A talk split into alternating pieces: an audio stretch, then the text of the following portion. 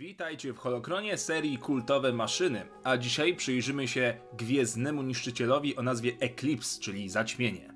Należy tutaj jednak zaznaczyć, że duża część informacji zawartych w tym odcinku będzie dotyczyła legend, choć sam statek jest jak najbardziej kanoniczny. Zapraszam. Eclipse był pierwszym w swojej klasie niszczycielem, dreadnoughtem klasy Eclipse, który właśnie od nazwy statku wziął potem nazewnictwo klasy i stał się pierwszym prototypem. Od początku był budowany jako okręt flagowy Imperatora Palpatina. Statek był godny swojego właściciela, bowiem jego uzbrojenie nie miało sobie równych. Osobiste wskazówki Imperatora przyczyniły się do zbudowania prawdziwej superfortecy. Był to jeden z największych okrętów zbudowanych przez Imperium. Budową zajęły się zakłady Count Drives i spod ich ręki wyszła ta maszyna śmierci uzbrojona po zęby w nowoczesne turbolasery o powiększonej mocy, generatory symulujące obecność pola grawitacyjnego, czyli zabawkę wcześniej instalowaną już na pokładach niszczycieli typu Immobilizer, które potrafiły uniemożliwiać innym statkom skok w nadprzestrzeń. Do tego dochodzi jeden potężny super laser, nie tak mocny jak ten w Gwieździe Śmierci, ale wystarczający by zniszczyć jednym strzałem okręt przeciwnika lub spopielić powierzchnię planety przy okazji przebijając się przez osłony planetarne. W bebechach statku było gotowych do startu 700 myśliwców oraz pełen legion Gwardii Imperialnej wspieranej przez 100 maszyn typu AT-AT. Przypominam, że podczas bitwy o Hoth użyto raptem 5 takich jednostek.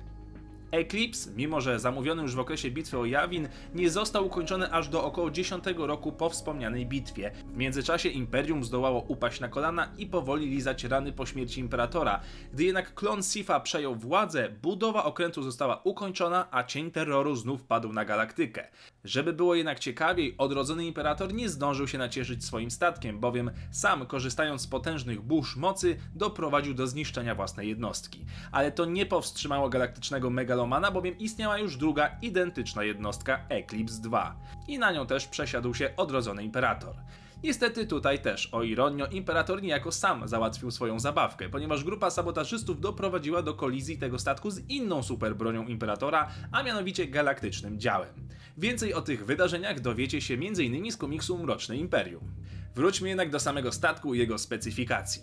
Długość to 17 500 metrów, 712 645 osób w załodze, 150 tysięcy pasażerów, ładowność to 600 tysięcy ton. Hipernapęd klasy drugiej, zapasowy klasy szóstej. Do tego podstawowe silniki w liczbie 6 oraz 8 w przypadku statku Eclipse 2. Co do uzbrojenia zaś, jeden super laser, 550 ciężkich dział laserowych, 500 baterii turbolaserów, 75 dział jonowych, 100 emiterów promienia ściągającego, 10 generatorów grawitacyjnych, 50 dywizjonów myśliwców. Robi wrażenie. Na początku tego odcinka wspominałem, że informacje zawarte będą dotyczyły głównie legend, ale statek jest kanoniczny i faktycznie tak jest, ale nie znajdziecie o nim za wiele informacji kanonicznych. Pierwsza wzmianka o statku pojawia się w nowelizacji Powrotu Jedi, jednak potem okazało się, że opis tajemniczego i potężnego statku dotyczy tak naprawdę egzekutora.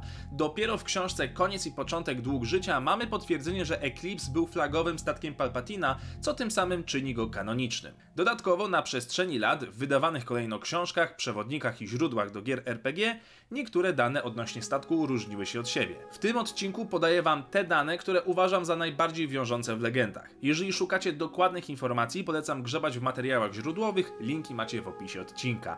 Ja dziękuję za oglądanie, mam nadzieję, że podobał Wam się odcinek. Wyraz uszanowania dla moich patronów, a jeżeli ktoś z Was ma ochotę zostać jednym z nich i dołączyć do zamkniętej grupy na Facebooku, to serdecznie zapraszam. No i oczywiście niech moc zawsze będzie z Wami.